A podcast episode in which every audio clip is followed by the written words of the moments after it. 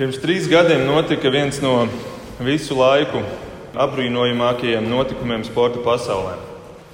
Anglijas Premjerlīgā, kas ir augstākā futbola līga, kas skaitās arī visspēcīgākā futbola līga pasaulē, un kuru 20 komandu konkurencē dominē parasti kāda līderu grupa, sešas komandas, kuras katru gadu sadala titulu savā starpā. Pēkšņi un pretēji visām izredzēm uzvarēja neliels klubs no tabulas apakšgala. Klubs, kurš iepriekšējā sezonā vēl pat kādu laiku bija pavadījis tabulas pēdējā vietā. Un šis klubs ir Leicester City, kurai sezonas sākumā bookmakeri bija piešķīruši likmi 1 pret 5000. Likmi, kura skaidri pateica, ka šim klubam kļūt par čempioniem ir pilnīgi nereāli. Un tad sezonas beigās šīs Premjerlīgas izpildirektors Ričards Skudamors teica, ka šis bija notikums, kas atkārtojas vienu reizi piecos tūkstošos gadu. Protams, mazliet pārspīlējot, bet tas parāda, cik, cik neticams bija šis notikums. Un mums cilvēkiem patīk šādi bezcerības stāsti. Mums patīk stāsti, kur mazie uzvar lielos, kur nabadzīgie pārspēja bagātos, kur vājie apsteidz spēcīgos, stipros. Un šodien man jums ir kāds līdzīgs stāsts. Pat divi stāsti, veseli divi stāsti ar līdzīgu domu. Un tās ir līdzības, par kurām es jums šodien lasīju. Šīs līdzības nav tikai tādi izdomāti stāsti, ja pamācības. Šīs līdzības ir pravietiskas līdzības. Pravietiskas līdzības ieskats nākotnē no to dienas skata, kad Jēzus to teica saviem mācekļiem. Un stāsts ir par to, ka pretēji visām izredzēm maza saujiņa reiz iekaros lielo pasauli. Lai labāk izprastu šīs līdzības un to nozīmi, īsi apstāsimies pie konteksta. Konteksts ir tāds, ka Mateja savā evanģēlijā stāsta par gaidāmo mesiju par ilgi gaidīto, svaidīto Izraēla ķēniņu, kuram būs jānāk. Un tagad pienāk šī diena, un Jēzus ierodās un viņš sludina šo, šo dievišķo vēstu, kad viņš dziedina slimos, kad viņš dara brīnumus un zīmes, kuras, kā atkal cilvēki atzīst, spēj tikai cilvēks, kurš ir nācis no dieva. Tad par spīti tam tikai daži sāk ticēt, un daudzi apcietina savus sirdis. Un, Un beigās pat apgalvo, ka Jēzus to dara sātana, nevis dieva spēkā. Ka viņš ir nevis dieva dēls, bet drīzāk sātana dēls. Un tā nu rezultātā Izraels atraida, noraida šo savu ķēniņu. Un tajā brīdī Jēzus sāk runāt līdzībās uz tautu un uz garīgiem vadītājiem, kā mēs šodienas tekstā lasījām 3.4. un 3.5. pantā. To visu Jēzus ļaužu pūlim runāja līdzībās, un bez līdzībām viņš tiem nerunāja. Un pēc tam Matejs vēl citē Āsafa 78. psalmu. Un tā nu seko līdzības šajā nodaļā septiņas, kurās Jēzus apraksta šo savu valstību. Kurā Jēzus apraksta, ka šī valstība ir turēta noslēpumā kopš pasaules sākuma. Šī valstība ir tāda, kuru pat eņģeļi un pravieši gribējuši izprast, gribējuši ieskatīties. Un arī viņu priekšā tas tika turēts slepenībā. Bet tagad tikai dažiem, tikai dažiem tas tiek atklāts, un tie ir šie 12 vīri. Šie nieka 12 vīri, kuri saņem šo ilgi noslēpumā turēto patiesību.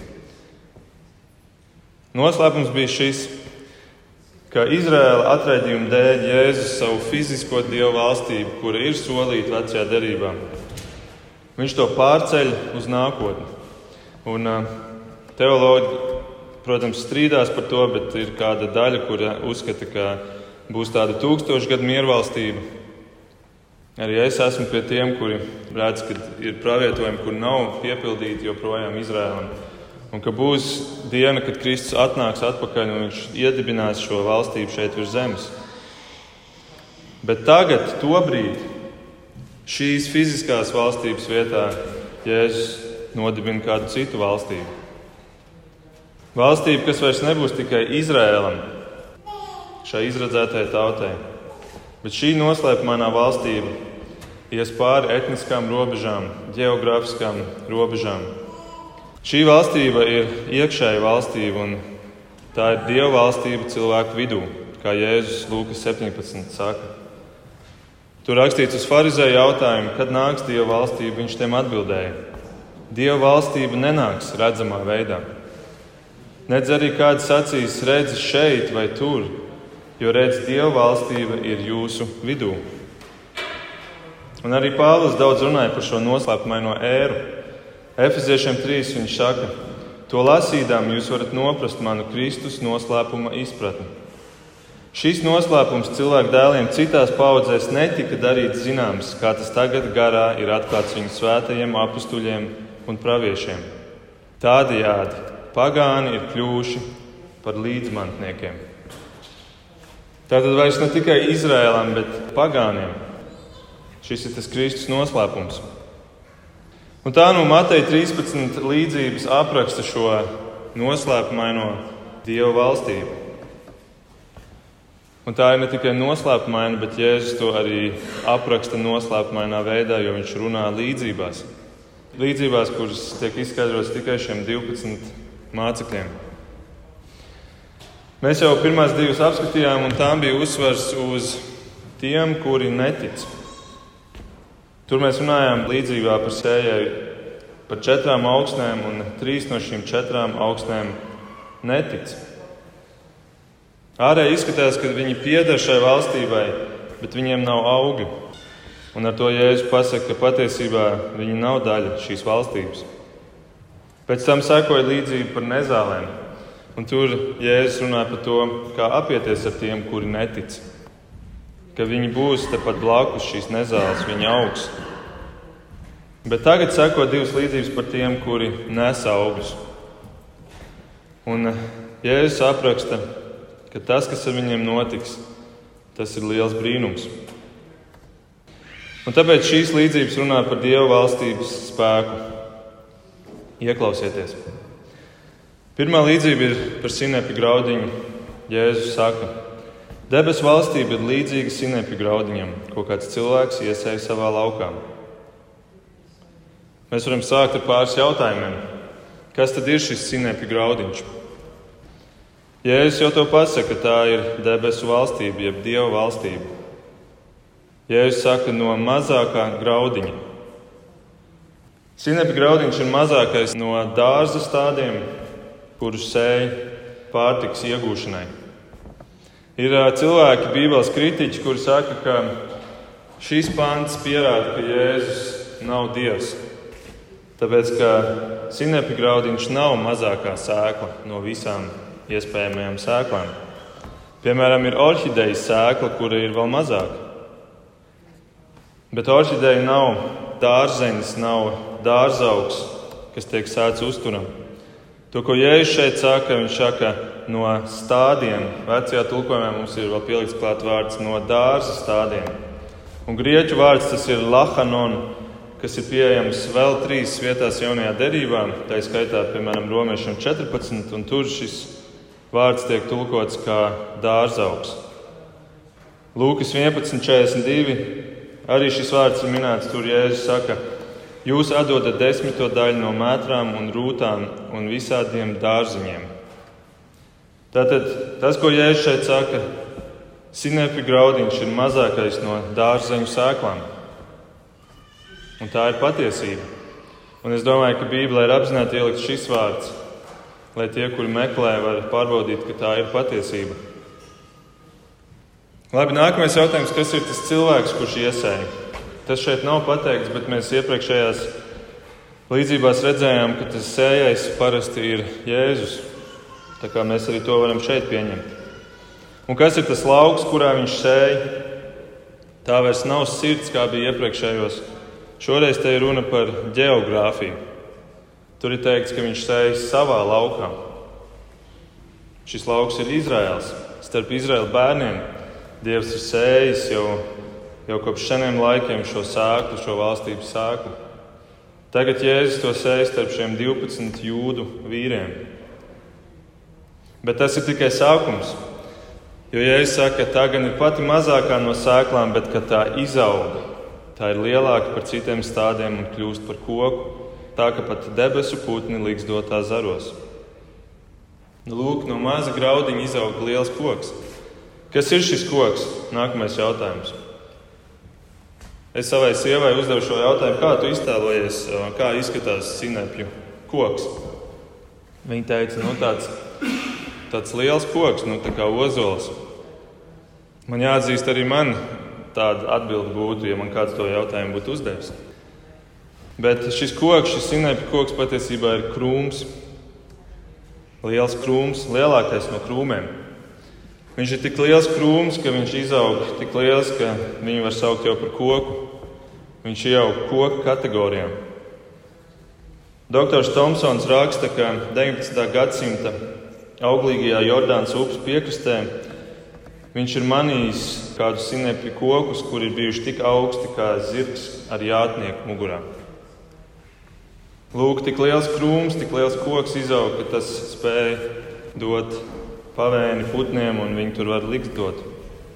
Nākamais jautājums, kas ir šie putni? Kādi saka, Šie putni ir noteikti sātans, jo redz, pirmajā līdzībā sātans bija tas, kurš nāca un kā putni šīs sēklas novāca no, no cietās sirds zemes. Bet mēs varam, protams, teikt, ka katra līdzība ir jāuztver arī kā neatkarīga, un, un putni paši par sevi nav simbols sātanam. Arī svētais gars, kā jūs zinat, ir salīdzināts ar putniem un pat ir iemiesojies putnos. Un tāpēc šajā līdzībā putni ir pasaules tautas. Putni, kuri pielidojuši no citām vietām un atlidojuši uz šo dārzu. Ja es šeit gribu pateikt, ka šī valstība izaugs ārpus Izraēlas robežām, ārpus jūdu kultūras, daudzas citas tautas nāks un, un ņems šeit savu māju vietu. Ievadā Jānis lasīja Iesaijas 54. Tur ir pravietojums Izrēlam dots, kur ir teikts: plēt savu telts vietu, izstiep savu mājokļu aizkarus, ritin garāk savus virves un mietiņus nostiprini. Pa labi un pa kreisi tu pletīsies, un tev pēcnācēji iemantos tautas un apdzīvos izdaldētas pilsētas. Lūk, šī valstība, viņi izplatīsies. Toreiz pravieši arī Jēzus šeit domāja, ka tā būs tāda fiziska valstība. Bet Jēzus to atnes kā iekšēju, garīgu valstību. Jēzus saka, ka šis graudiņš izaugs tik liels, ka putni līgzdos tur. Viņš nesaka, ka viņi nosēdīsies īsi un pasēdēs kādu laiku un aizlidos. Nē, viņš viņu līgzdos. Tas nozīmē, ka viņi apmetīsies uz dzīvi. Viņi atradīs māju vietu šeit. Un mēs redzam, ka kristietība ir kļuvusi par māju vietu daudzām tautām. Nevien tā ir nacionālā reliģija daudzās valstīs bet tā ir nesusi mantojumu medicīnā, kultūrā, mākslā, tieslietās, cilvēktiesībās, sieviešu tiesībās un daudz kur citur. Un pietiek paskatīties uz tām valstīm, kurās kristietībai ir bijusi ļoti maza vai nekāda ietekme, lai redzētu šo lielo atšķirību. Mēs varam teikt, no šodienas skatu punkta koks tiešām ir izaudzis, un mēs esam liecinieki tam. Mēs paši esam spējuši lietot šīs svētības, kas ir nākušas no daudzām paudzēm, kurās šī kristietība nes uz savu ietekmi. Mēs varam uzreiz apskatīt arī otru līdzību, un beigās es jums iedošu kādas trīs mācības par abām kopām. Otrā līdzība tātad ir par augu mīklām. Ja sinepju graudiņš bija tā ārējā ietekme, kuru mēs dodam, un tā izplatās uz āru un šķērso robežas, tad augs mīklām ir uzskatāms par iekšējo ietekmi ir šī ārējā izaugsme un ir šī iekšējā izaugsme. Jaunajā tulkojumā pie šī vārda iejauca mīklā, jeb miltos, ir pielikta zvaigznīte, un tur ir rakstīts tā: burtiski apslēpa. Tātad šī sieviete paņem šo augu un burtiski apslēpj to šajā mīklā. Apslēpts iekšēji, Bet sāksim ar jautājumu, kas tad ir atkal šeit tas raugs?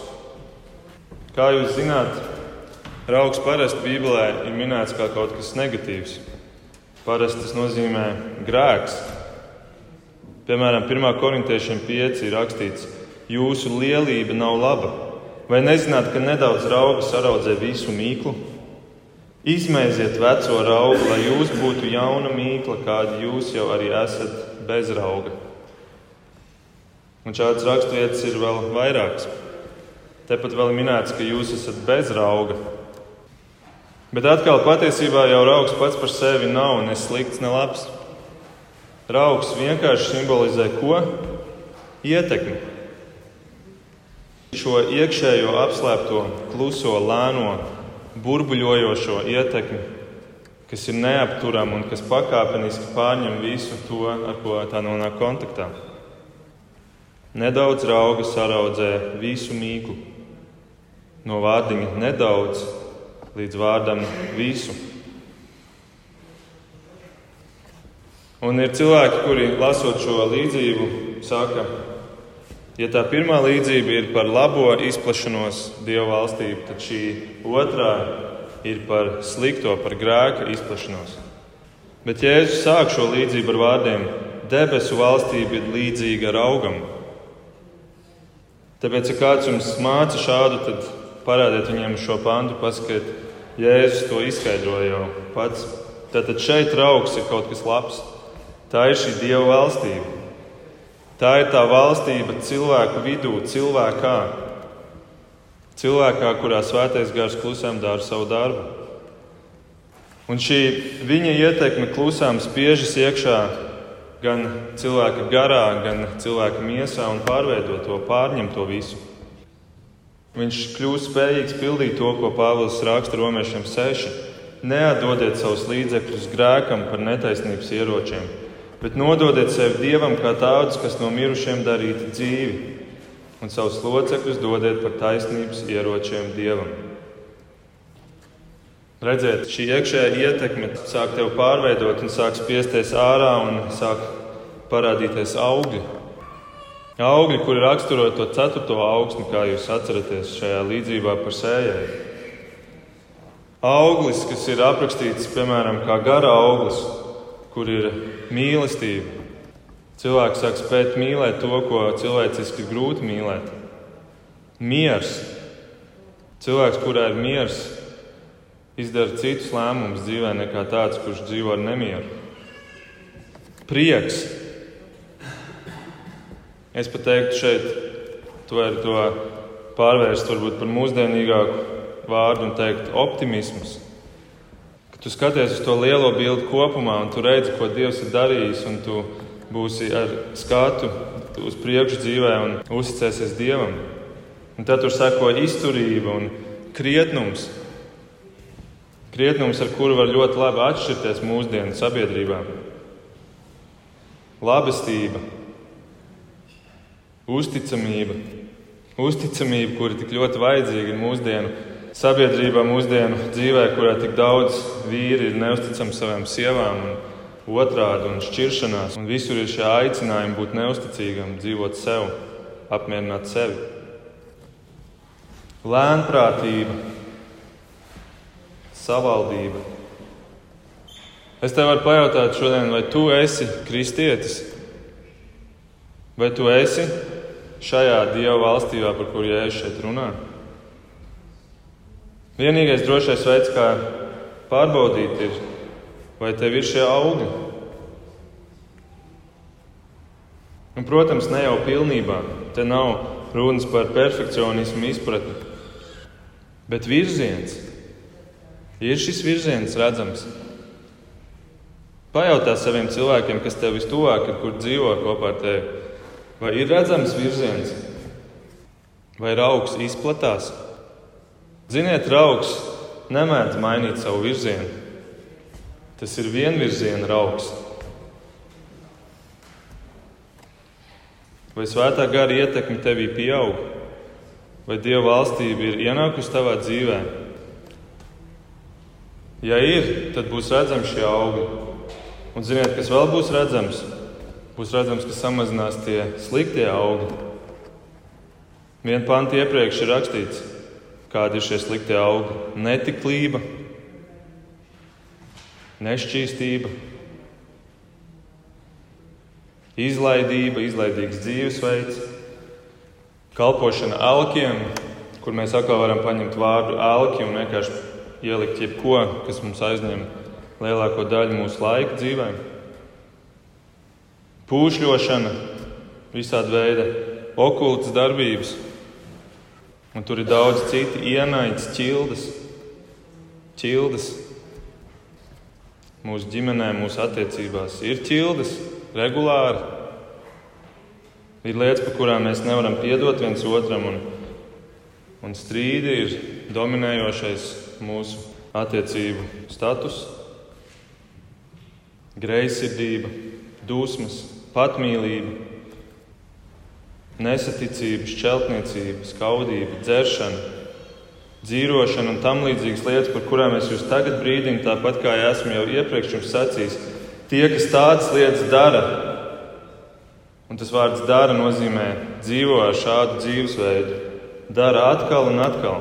Nevis vienreiz paklūp, bet dzīvo šajā dzīvesveidā. Tie, kas tādas lietas dara, ziniet, kas ar viņiem ir? Dieva valstību neiemantos. Lūk, te ir tā Dieva valstība. Tāda ir šī Dieva valstība, un tāda nav šī Dieva valstība. Šie divi augi.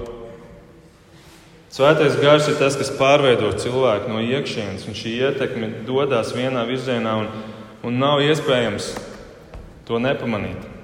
Tas kļūst redzams, mīkla uzbriest lielāka. Tu to vari redzēt skaidri.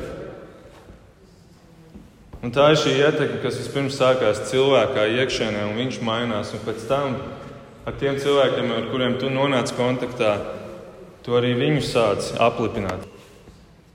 Tāpat kā augam ir jābūt kontaktā ar mīklu, un tās daļiņas, kuras ir vistuvāk, ar kurām viņš nonāk kontaktā, tās viņš pārveido vispirms, un tad iet tālāk. Un tāpat arī mums ir, mums ir jāiet cilvēkos. Mums ir jāmeklē kontakts ar cilvēkiem, nevis jāiet savā, savā ikdienas klosterītī un jādzīvo savu kristīgā dzīve tikai savās četrās sienās.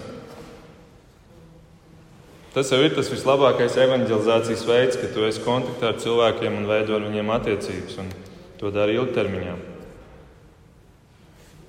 Jēzus Kalnu svētumā saka, lai jūsu gaisma spīd cilvēku priekšā, nevis zem pūra.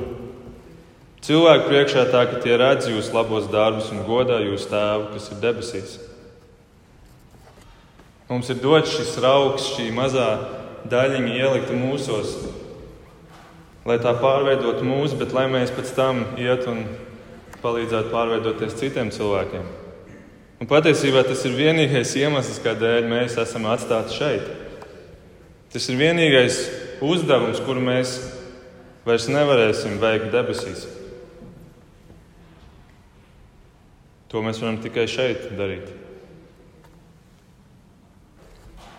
Maza piebilde, varbūt kāds lasot šo līdzību, domā pie sevis, ko nozīmē tie trīs mēri milta, miltu. Tur ir dažādas versijas, bet uh, es domāju, ka tam nav tik liels nozīmes. Te nav runas par kaut kādu numeroloģiju. Kāds saka, tie ir noā trīs dēli, kuri simbolizē jaunās pēcplūdu civilizācijas, jeb civilizāciju. Vai arī tie varētu būt jūdi, grieķi un barbari, kas atkal simbolizē visu cilvēci. Citi saka, ka tā ir miesa, gars un dvēsele. Bet, lai vai kā, fakts ir tas, ka tas ir izplatīts mērs, kuru lieto Bībelē atkal un atkal, un vismaz trīs vietās, arī vecajā derībā, ir stāsts par cilvēkiem, kuri lieto trīs mērus miltu. Es ticu, ka šeit uzsvers ir uz to, ka runa ir par mazumiņu rauga pret lielāku daudzumu mīklas lai parādītu, cik iespaidīgs ir šis uzvaras gājiens. Noslēdzot, ko mēs varam mācīties no šīm divām līdzībām? Un es iedošu jums trīs lietas, un es šīs trīs mācības vēlos iedot jautājumu formā. Pirmais jautājums. Vai Dieva valstības izplešanās notiek ātri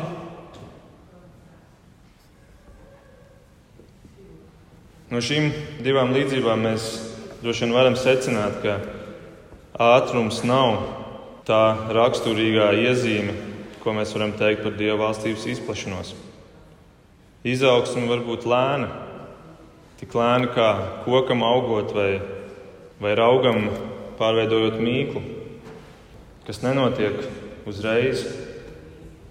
Un šīs izmaiņas, šī izaugsme, tāpēc arī cilvēkā un arī draudzē var būt lēna. Un tādēļ tas, kas mums ir jāmācās, ir būt pacietīgiem. Gan pašiem ar sevi, gan arī skatoties uz citiem brāļiem un māsām. Būt pacietīgiem tas nozīmē komunikācijā, spēt piedot, pieļaut, ka arī būs kādas kļūdas komunikācijā, kur varbūt mani aizvainos, kur varbūt man nepateiks paldies par, par kādām lietām, kuras es esmu darījis būt pacietīgiem arī mērķu nospraušanā. Es nedomāju, ka pareizākais veids ir lietot draudzes darbā biznesa modeļus, kur mēs nospraužam konkrētus mērķus, kuriem tad mēs kļūstam par vergiem, jo mums ir par katru cenu šie mērķi jāizpilda, jāsasniedz. Es domāju, ka Dievs dara savu darbu, un, un mums ir jābūt skaidram virzienam. Pacietīgiem nozīmē Visas šīs lietas, gan ikdienišķā darbā, gan komunikācijā ar cilvēkiem, gan arī domājot par draugu dzīvi. Es domāju, paskatoties uz Jēzu, viņam bija vajadzīga liela pacietība, kad viņš sāka skolot šos 12 nemācītos vīrus. Pēc tam jā, viņš paņēma Pāvilu, apgriez viņu pretējā virzienā, un Pāvils bija mācīts Gamaliela students un mācīts vīrs. Un viņš aizgāja kā raķete, varētu teikt. Bet šie 12 vīri bija jāmāca, un viņi bija paši tik nepacietīgi. Un, un Jēzus ar lielu pacietību to darīja. Un kopš Jēzus laikiem līdz šodienai ir bijuši neskaitāmi kristieši, kuri ar pacietību ir šo valstību virzījuši uz priekšu savā darbā. 2000 gadu garumā. Un rezultāts ir tas, ka no mazas 120 cilvēku sektas tajā brīdī, kad Jēzus aizgāja, Tā ir izaugusi, pāraugusi visas sektas un kļuvusi par lielāko reliģiju pasaulē. Protams, ne visi ir kristieši, bet, bet tas rezultāts ir iespaidīgs un skaidri redzams. Pacietība. Otrais jautājums. Vai dieva valstības izplešanās ir cilvēku vai dieva darbs? Es domāju, populārākā atbilde būtu, nu, tas ir, ir sadarbība, kas ir pareiza. Bet kurš ir tas dzinējs spēks? Šim stāstam ir kāda rakstura iezīme, kuru mēs atrodam neskaitāmos citos Bībeles stāstos. Šīm divām līdzībām ir kaut kas ļoti līdzīgs kā ļoti daudziem citiem stāstiem Bībelē. Proti, tas, ka mazi cilvēki pretēji visām izredzēm, paveic kaut ko ļoti lielu. Un, ziniet, Dievs sistemātiski lieto šo modeli. Sistemātiski. Mēs varam teikt, Dievam patīk pastarīši. Dievam patīk tie mazie vājie. Ābrams, vīrs bez bērniem, pretēji visām izredzēm, saņem pēkšņi solījumu, ka tev būs pēcnācēji kā zvaigznes debesīs. Viņa dēls Īzaks zem pacelta nāža sasiet uz altāra pretēji visām izredzēm tajā brīdī. Ierauga, ka rekur ir atsūtīts aizvietotājs Auns, kurš tiek viņa vietā upurēts, un viņš turpina dzīvot. Viņa dēls Jēkabs, kā jaunākais brālis, pretēji visām izredzēm, izcīna pirmdzimtību, kas bija tajā laikā ļoti svarīga. Un viņš kļūst par Izraēlu. Viņš kļūst par Izraēlu.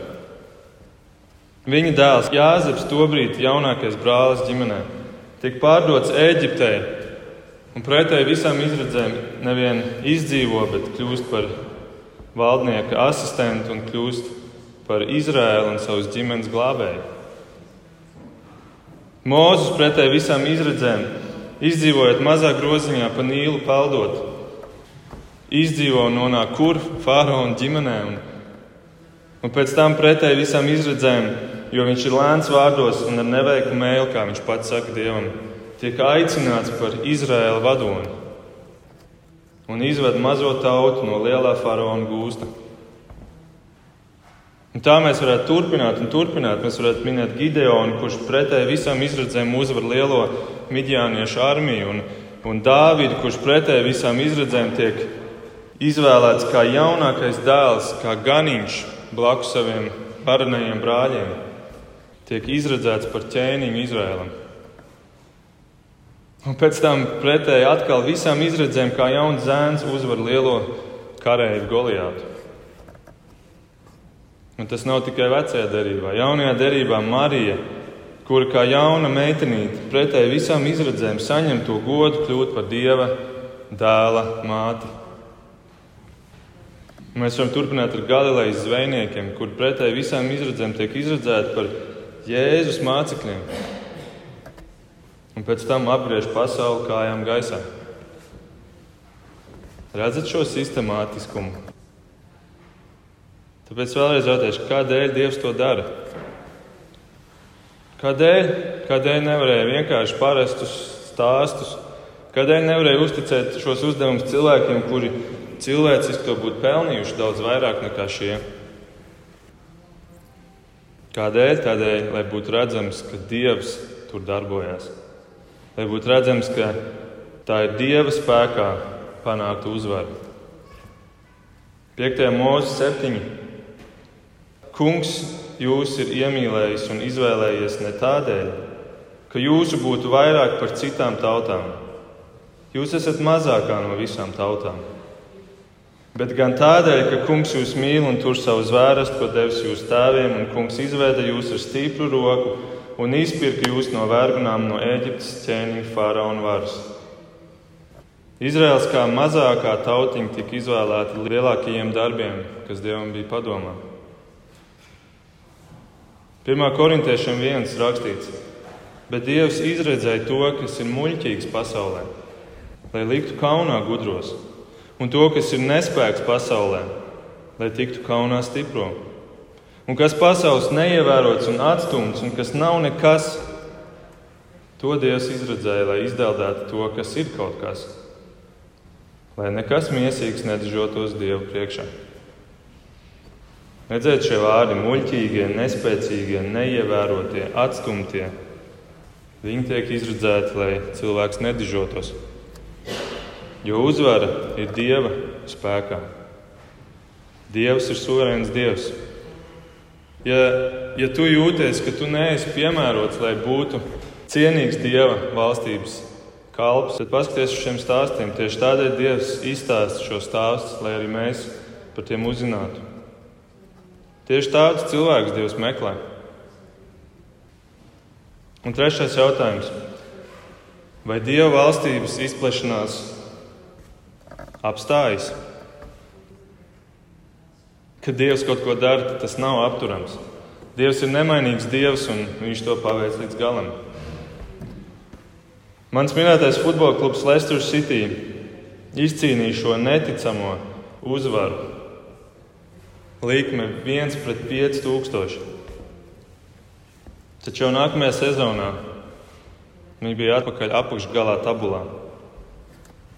Un tās vēl nesen uz rokām nesētais treneris tika negodam atlaists, un pelēkā ikdiena bija atgriezusies ātrāk nekā cerēts. Bet sinepju koks, raugs mīklām Tie vēl šodien darbojas. Dieva valstība, Kristus noslēpumainā paudze, tā vēl šodien pastāv.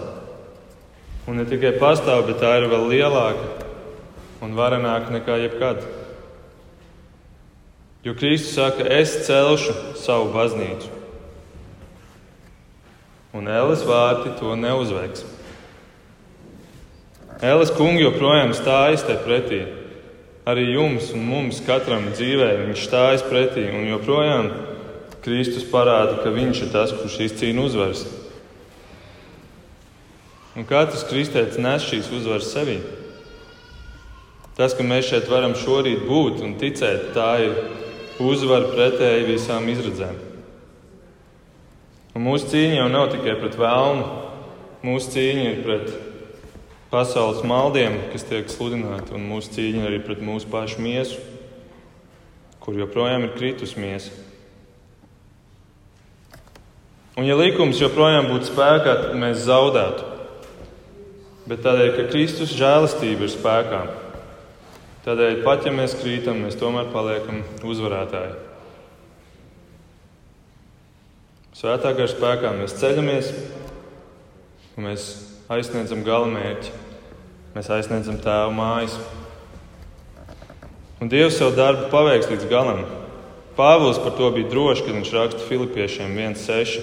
Viņš raksta, es paļaujos uz to, ka Dievs, kas pie jums iesāka labo darbu, to pabeigs līdz Jēzus Kristus dienai. Un tāpēc trešajā punktā tā mācība ir, ka tu vari būt drošs, tu vari neterēt spēkus, baidoties par savu glābšanu. Tu vari būt drošs par savu glābšanu un lietot to, lai kalpotu lai tas kļūtu par tavu dzinēju spēku, lai tu kalpotu Dievam par godu un cilvēkiem par svētību. Tāpēc vairosim šo lielo Dieva darbu, šo Dieva valstību pacietībā, darīsim to Dieva spēkā un darīsim to drošā apziņā, ka Dievs pabeigs savu darbu. Lūksim! Debes Tēvs, paldies par Tavu vārdu! Un paldies, kungs, ka šodien mēs varam atskatīties uz 2000 gadu vēsturi un redzēt, ka tas ir piepildījies. Todien tavu mācekļi bija izbijušies noteikti, un viņi bija tik mazi saujiņi, bet, bet uh, tu esi lielo stāstu autors. Un paldies, kungs, ka tu savu valstību ved uz priekšu, izplati. Paldies, ka tu to dari caur šiem tik vienkāršiem cilvēkiem Un paldies, ka šajā lielajā stāstā arī mēs varam būt iekļauti šodien. Lūdzu, kungs, dod katram, kurš klausās šo tavu vārdu, dod lūdzu prieku, ka mēs varam ieraudzīt sevi šajā, šajā valstībā. Lūdzu, dod arī nopietnu attieksmi pret, pret grēku, ka mēs varam pārbaudīt savus augļus. Un lūdzu, kungs, dod tiem, kuri vēl nav tavā valstībā, ilgas Lūdzu, sagatavo šo augstu, lai šī sēkla, kas tiek mēsta, tā varētu, tā varētu kļūt auglīga, izaugt par, par augļiem.